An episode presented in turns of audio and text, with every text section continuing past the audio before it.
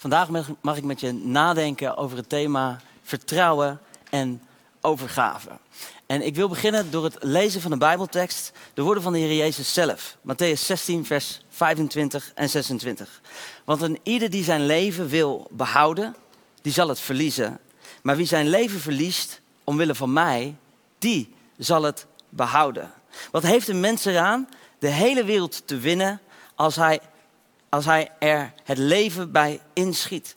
Wat zou een mens niet over hebben voor zijn leven? Als we nadenken over geloof en over vertrouwen, dan is dat soms lastig om te begrijpen. Heel vaak lijkt het het tegenovergestelde te zijn van wat wij denken dat logisch is. Als je nadenkt over de dingen die de Heer Jezus zei, dan waren die heel vaak heel erg uitdagend. En dat komt omdat een heleboel van die dingen eigenlijk ingaan tegen ons menselijke systeem. Laten we eens over nadenken. Um, in ons aardse systeem zijn we gewend om heel hard ergens voor te werken en dan uiteindelijk ook een beloning te krijgen. Het begint al heel erg jong. Als je best doet in de klas, dan krijg je misschien een sticker.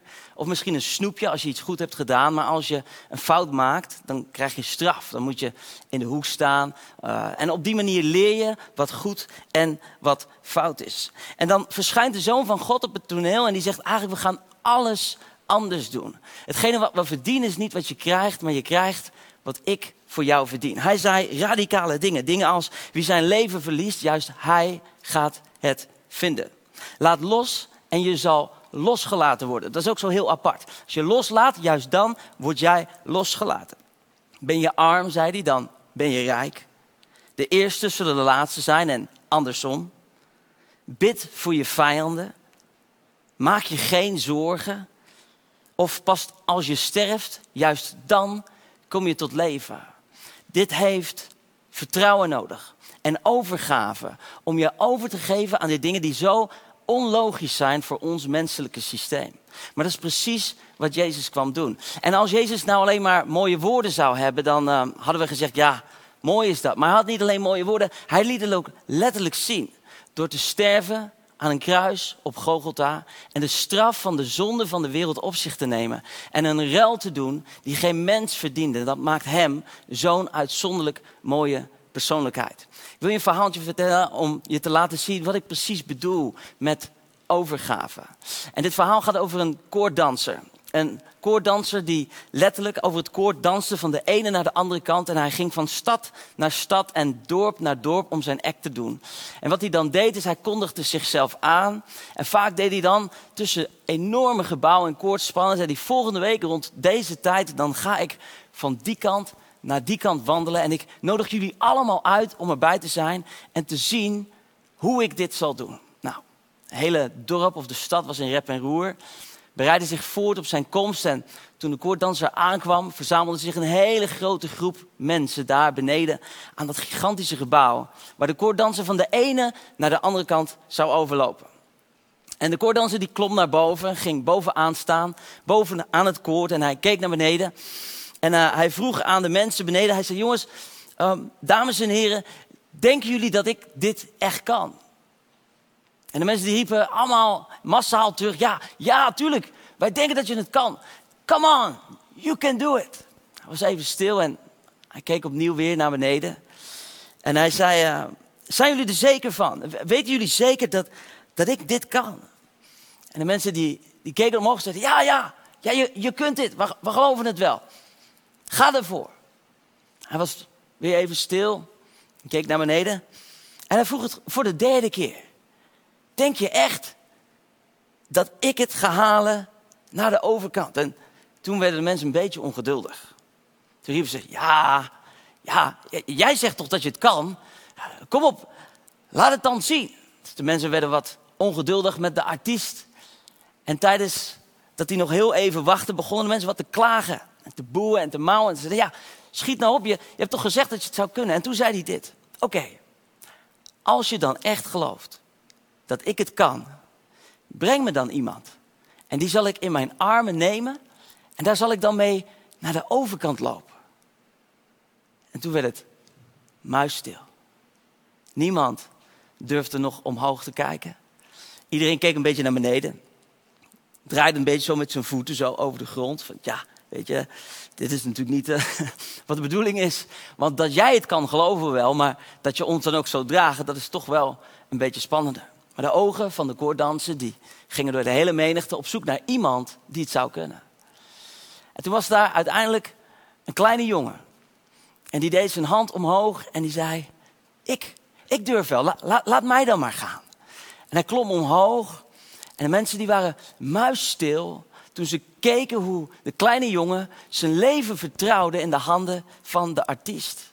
En um, het was een spannend moment, maar die jongen die was overtuigd dat het allemaal wel oké zou gaan.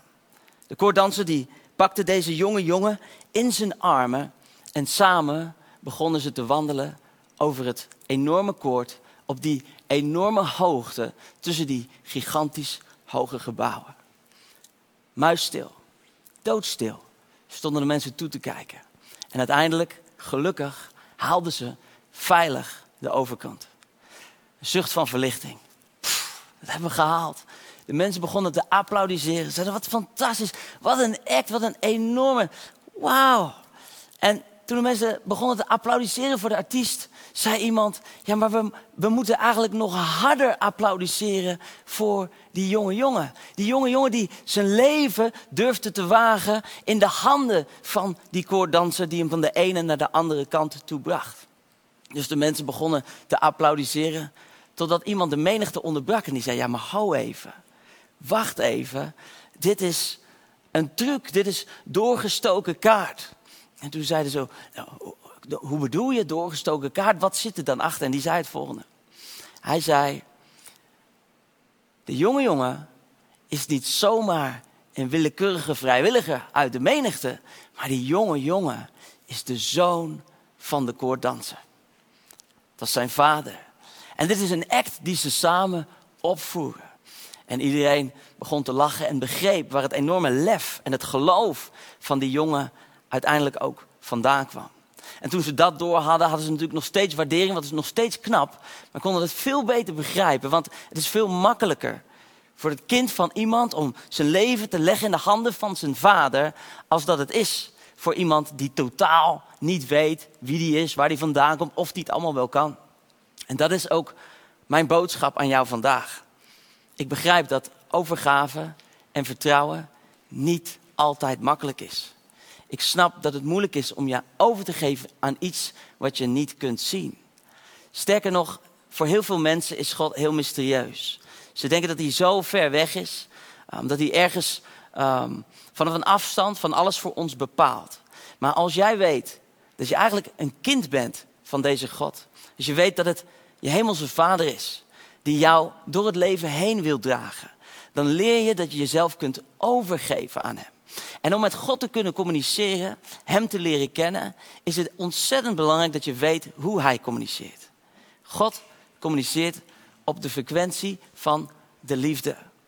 In andere woorden, als je God probeert te zoeken, probeer hem dan niet zozeer te, te begrijpen met je verstand, maar probeer vanuit je hart met Hem te praten. En ik denk dat dat is waar overgave begint. Waar je niet altijd precies alles begrijpt, maar waar je afdaalt naar wat je van binnen eigenlijk vertelt dat er iets is dat om jou geeft, dat van je houdt. En ik wil je uitdagen vandaag. De handen van de koorddanser zijn open. De artiest in dit verhaal is eigenlijk het beeld van de Heer Jezus, die met zijn open handen op jou wacht en zegt: Ik wil jou dragen. Ik wil je dragen door het leven. Ik wil je dragen naar de overkant. En er is geen mens die dat kan doen. Dat is waarom Jezus naar de wereld kwam. Dat is waarom hij dingen kan zeggen als laat los en je zult losgelaten worden. Als je vertrouwt, als je je leven verliest, dan pas zul je het vinden. En het allermooiste is dat hij niet van jou en mij verwacht. Dat wij de kracht hebben om dat zelf te doen. Maar dat hij zegt, mijn armen zijn open. Kom, vertrouw mij. Dan breng ik je naar de overkant. En dan misschien nog wel allermooiste wat ik tegen je zeggen wil. Ter afsluiting. God is een God met open handen.